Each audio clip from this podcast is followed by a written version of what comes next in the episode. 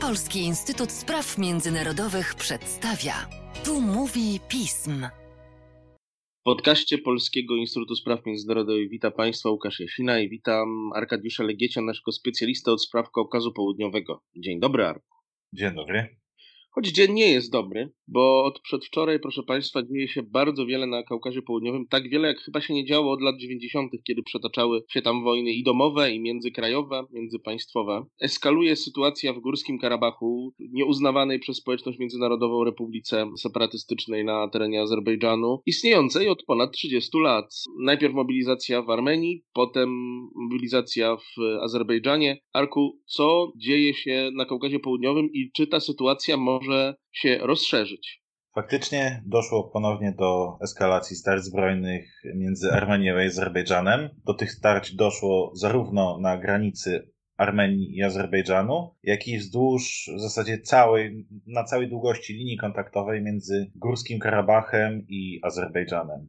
My ostatni raz rozmawialiśmy na te tematy w lipcu przy okazji eskalacji, która miała miejsce wówczas. I w zasadzie, mm, jeżeli chodzi o genezę, możemy powiedzieć tutaj to samo, bo w dalszym ciągu przyczyną tych starć jest status Górskiego Karabachu, który prawnie, de jure, jest uznawany za część terytorium Azerbejdżanu okupowaną przez Ormian. No de facto jest właśnie okupowany, kontrolowany politycznie, gospodarczo przez Armenię, zamieszkany przez Ormian. No i strona azerska w naturalny sposób nie jest zadowolona z tego stanu rzeczy i okresowo podejmuje próby odzyskania tego terytorium. Z racji, że proces pokojowy i, i, i środki dyplomatyczne od lat w tej kwestii nie przynoszą żadnych efektów, no to niestety mamy do czynienia od czasu do czasu z tego typu eskalacjami. W tym wypadku mamy do czynienia z eskalacją na zdecydowanie poważną. We wstępie powiedziałeś, że najpierw nastąpiła mobilizacja po stronie Armenii, później po stronie Azerbejdżanu.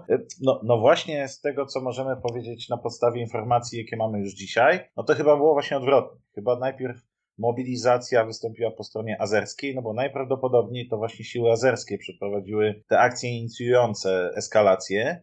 Do walk doszło, tak jak powiedziałem, na całej długości linii kontaktowej między Karabachem i Azerbejdżanem oraz na południowym odcinku granicy Armenii i Azerbejdżanu, w zasadzie niemalże w tym samym miejscu, gdzie dochodziło do starć w lipcu. Wiemy, że siły azerskie były bardzo dobrze przygotowane wczoraj do, do prowadzonych działań. Prawdopodobnie były mobilizowane już od co najmniej kilku dni i udało się to zrobić w tajemnicy, co jest z całą pewnością sukcesem. Prawdopodobnie eskalacja, jaka miała miejsce w lipcu, była również operacją mającą na celu pozyskanie informacji na temat procedur obronnych, y, przygotowania sił ormiańskich do obrony granicy ormiańskiej, a także do ewentualnego wysłania posiłków do Górskiego Karabachu. No i te informacje zostały teraz wykorzystane.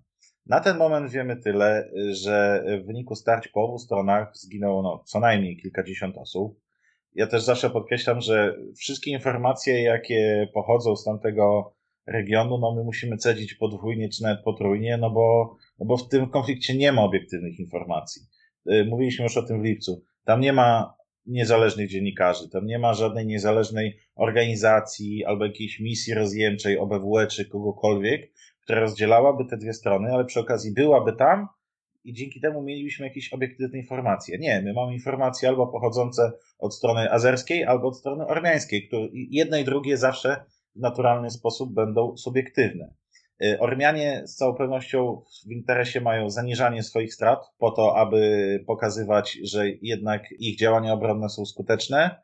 Azerowie podobnie, aczkolwiek jednocześnie mają też za zadanie podkreślać straty ponoszone przez przeciwnika i to tak możemy się, prawda, przerzucać. Y, na pewno te dane nie są obiektywne, ale na pewno wiemy, że ucierpiało co najmniej kilkadziesiąt osób w taki sposób, że poniosło śmierć. Kolejne setki zostały ranne. Część osób cywilnych zamieszkujących te tereny przy linii kontaktowej na terenie Górskiego Karabachu, a także przy granicy ormiańsko-azerskiej zostały zmuszone do no, czasowego opuszczenia swoich domów, wiosek ze względów bezpieczeństwa. I co jest istotne w tej eskalacji? No, pierwszy raz od lat 90., od początku lat 90., kiedy jeszcze w wyniku działań wojennych terytorium Górskiego Karabachu się kształtowało, w związku z czym jeszcze dochodziło do drobnych przesunięć terytorialnych i tego, kto kontrolował dany odcinek. No pierwszy raz od tamtego czasu Azerom udało się odbić kawałek ziem ormiańskich, karabachskich. Konkretnie mówimy tutaj o takim wzniesieniu Murow. To jest taki masyw górski na północy Górskiego Karabachu, całkiem niedaleko granicy ormiańskiej i linii kontaktowej z Azerbejdżanem. Ten masyw górski jest na tyle wypłaszczony, że tam znajduje się droga, która jest no, jedną z najważniejszych arterii komunikacyjnych łączących Armenię z Górskim Karabachem, służących no, logistyce, handlowi, podróżom i, i, i wszystkim związanym kwestiom. Ten odcinek w wyniku ostrzału artyleryjskiego i działań zmechanizowanych sił e, zbrojnych Azerbejdżanu został zajęty przez siły Azerbejdżanu. Może nawet nie tyle zajęty, ale, ale znajduje się w tej chwili pod kontrolą Azerbejdżanu. W związku z czym nie może być używany przez, przez Ormian i z Armenii i tych zamieszkujących w Ruski Karabach. No i to jest z całą pewnością znaczący sukces sił azerskich. W innych częściach tej granicy, pograniczach, gdzie były prowadzone działania zbrojne, Azerom nie udało się przerwać tych, tych linii obronnych Karabachu. Jeżeli chodzi o ten taki system obronny Karabachu, no to mamy do czynienia z takim pierścieniem trzech linii fortyfikacji, takich pierścieni. No nie udało się przerwać ani jednego, no ale tutaj to wzniesienie murów było niejako troszeczkę z uwagi na ukształtowanie terenu nieco wysunięte, nieco wyłączone z tego systemu obronnego. No i możemy podejrzewać z dużym przekonaniem, że, że to było głównym celem Azerów na tym etapie eskalacji, aby właśnie osiągnąć jakiś sukces. Sukces też istotny strategicznie, ale też istotny propagandowo. Wszystkie inne działania prawdopodobnie służyły temu, aby związać siły zarówno Armenii, jak i sił obronnych Karabachu. No i to jest sytuacja, z jaką mamy do czynienia obecnie. Przez noc, od wczoraj cały czas dochodzi tam do, do, do wzajemnego strzału, e, prób szturmu ze strony azerskiej i, i działań obronnych ze strony Armenii. Azerowie do działań zbrojnych zaangażowali przede wszystkim lotnictwo, kilkanaście helikopterów, o tym wiemy na pewno, dużą ilość dronów, około kilkunastu tysięcy żołnierzy, a także, co ciekawe, kilkuset ochotników z Syrii. E, prawdopodobnie syryjskich Turkmenów, którzy znaleźli się w Azerbejdżanie dzięki wsparciu tureckiemu, którzy teraz jako najemnicy no, zostali przez Azerbejdżan wysłani na front i są tam wykorzystywani. Po stronie ormiańskiej jest to przede wszystkim wykorzystywanie ukształtowania terenu, potężnych okopów i umiejscowionej tam artylerii. Możemy w zasadzie powiedzieć, że cały Górski Karabach jest taką jedną wielką twierdzą i z całą pewnością też, jeżeli mamy się ślić jakąś próbę oceny, no to środki zaangażowane przez Azerbejdżan na ten moment, także jeżeli chodzi o liczbę żołnierzy, no zdecydowanie nie są wystarczające, żeby móc szturmować cały Karabach. To mogą być jakieś miejscowe, punktowe sukcesy, takie jak zdobycie wzniesienia Murow, ale w mojej ocenie jest mało prawdopodobne, żeby to się mogło przerodzić w taką pełnowymiarową wojnę, że Azerowie będą szturmowali cały Karabach. Chociaż oczywiście te działania są też symboliczne, no bo pierwszy raz od początku lat 90. ostrzelany przy użyciu ognia artyleryjskiego został Stepankert, czyli stolica Górskiego Karabachu. Mówiłeś o tym, że nie mają środków, aby szturmować cały Górski Karabach, ale wspomniałeś, co jest ważne i trochę wbrew narracji części polskich mediów, że raczej całą sprawę zaczął sam Azerbejdżan. Jaki może być cel polityczny Azerbejdżanu, by w tym momencie eskalować to, co się w Górnym Karabachu, w Górskim Karabachu dzieje? Czy to są jakieś kwestie wewnętrzne tego państwa? Z całą pewnością, jeżeli patrzymy na interesy strony ormiańskiej i strony azerskiej w tym konflikcie, no to Ormianie są stroną uprzywilejowaną, no bo to oni kontrolują Karabach. Wbrew prawu międzynarodowemu, ale oni go kontrolują. E, dla strony azerskiej, no to jest stan niezadowalający. I o tym też już mówiliśmy wielokrotnie, rozmawiając na te tematy. E, władze azerskie każdego dnia mierzą się z coraz większą presją społeczną, związaną z tym, że konflikt w Ruski Karabach pozostaje nierozwiązany, a co gorsza, pozostaje nierozwiązany z niekorzyścią dla Azerbejdżanu. Azerbejdżan jest państwem większym, bogatszym, ludniejszym, lepiej uzbrojonym. No i nie może sobie poradzić z tą biedną, małą Armenią, która cały czas okupuje Karabach i nie daje go sobie wyrwać. Z racji, że środki dyplomatyczne, rozmowy pokojowe w ramach tej grupy mińskiej, która jest tym formatem OBWE odpowiedzialnym za zaprowadzenie rozmów pokojowych, który od lat jest no, nieskuteczny i nie działa. Przypomnijmy, w skład grupy mińskiej wchodzą przede wszystkim Stany Zjednoczone, Francja, Rosja. Skoro środki dyplomatyczne nie przynoszą żadnego efektu, no to Azerbejdżan okresowo stara się wykorzystać swoją przewagę militarną, która w związku z zamożnością państwa jest z roku na rok rosnąca. To, co zwraca moją uwagę na przykładzie tej eskalacji, jaką mamy obecnie, ale także eskalacji lipcowej, to jest to, że Azerowie również zrozumieli bardzo dobrze, że działania mające na celu odzyskanie Karabachu to nie jest tylko walka na froncie, to nie są tylko wystrzały z karabinów, ale to jest również walka na froncie informacyjnym. Azerowie w ostatnich latach poczynili bardzo duże inwestycje w rozwój swoich zarówno sił cybernetycznych, jak i prowadzenie działań informacyjnych, dezinformacyjnych, propagandowych i to dzisiaj przynosi efekt. Na przykładzie tej eskalacji lipcowej widzieliśmy bardzo dokładnie, jak przekaz promowany przez stronę azerską, informacje promowane przez nią, czasami nawet fabrykowane fakty w internecie, na stronach internetowych, czasem na naprawdę poważnych portalach informacyjnych, medialnych, także w Polsce. Powiedzmy to sobie otwarcie, były promowane bardzo nieświadomie, tak? Bardzo łatwo było przekazywać te informacje, które były subiektywne, były korzystne dla Azerów, bardzo łatwo było je przekazywać dalej, bo po prostu były w bardzo przystępny i strategiczny sposób podsuwane odbiorcom na przeróżnych forach. Ja mówię tutaj o Azerbejdżanie, ale wcale nie mam na myśli, że Ormianie są bardziej szlachetni i, i nie prowadzą działań propagandowych czy dezinformacyjnych. Oczywiście, że to robią, tylko na wiele mniejszą skalę, tylko nie dlatego, że są bardziej szlachetni, tylko po prostu Azerbejdżan poczynił w ostatnich latach ogromny postęp w tej kwestii. Armenię na to nie do końca stać. Także może jest to efektem pewnych zaniedbań i błędów w strategii, w planowaniu. Zobaczymy, jaka będzie odpowiedź na to w najbliższych latach, ale z całą pewnością to, co się dzieje w przestrzeni informacyjnej, jest równie ciekawe jak to, co się dzieje na froncie. Kwestie międzynarodowe tutaj dochodzą. Mamy dwóch ważnych graczy w tym regionie, nie będących Armenią i Azerbejdżanem. Mam na myśli Turcję i Rosję.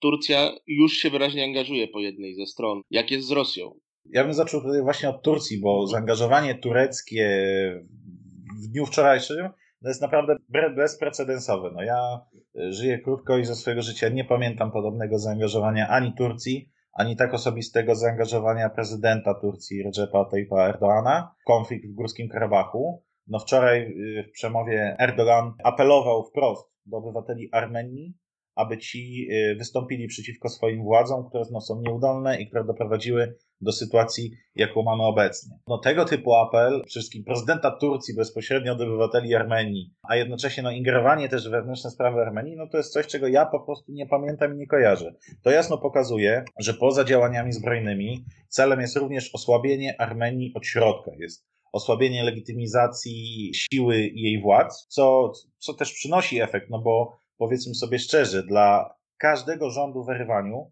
utrata choćby metra kwadratowego ziemi uznawanej za swoją, utrata jej na rzecz Azerów, no, no, no, to jest coś więcej niż wotum nieufności ze strony społeczeństwa.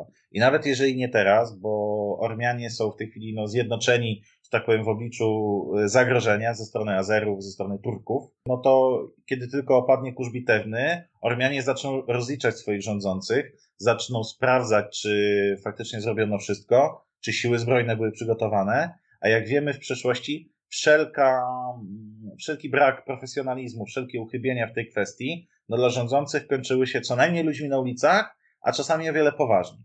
Ale wracając do Turcji. Turcja w ostatnich miesiącach ewidentnie zintensyfikowała współpracę z Azerbejdżanem na każdej płaszczyźnie, ale przede wszystkim wojskowo, a wręcz manifestowała to, tak? Prowadzono ćwiczenia. To, że dochodzi między do tymi państwami do wymiany informacyjnej, do e, wspólnej presji na Armenię, presji gospodarczej, politycznej, no, no, no to jest oczywiste. Ale fakt, że w tej chwili po stronie Azerów walczą ochotnicy z Syrii, którzy zostali tam najprawdopodobniej sprowadzeni przy, przy wsparciu Turcji, to też zaznaczmy, to jest pewien mechanizm takiego, takiej wojny zastępczej stosowanej przez Turcję też w innych miejscach, jak Syria, jak Libia, no w tej chwili miejscem tego typu działań stał się Azerbejdżan, Górski Karabach, Armenia no, no, no to pokazuje, że Turcy postanowili w tej chwili zrobić coś więcej niż robili dotąd. Postanowili mocniej wesprzeć Azerów i to się dzieje. Aczkolwiek ja w tej kwestii uspokajam mimo wszystko, bo, bo no, nie widzę podstaw, aby twierdzić,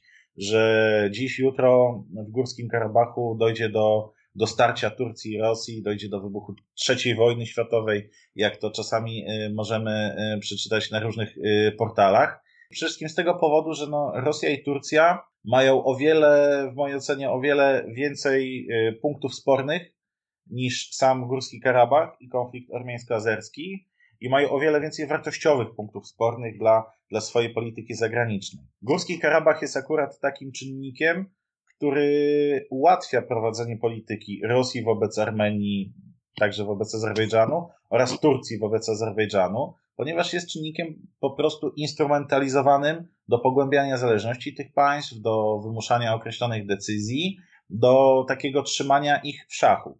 E, przypomnijmy, że Rosja jest związana z Armenią sojuszem wojskowym. Armenia jest członkiem Organizacji Układu o Bezpieczeństwie Zbiorowym, który jest tym takim rosyjskim NATO, organizacją promowaną, rozwijaną przez Rosję. Jest również Rosja złączona z Armenią sojuszem, jeżeli chodzi o obronę powietrzną.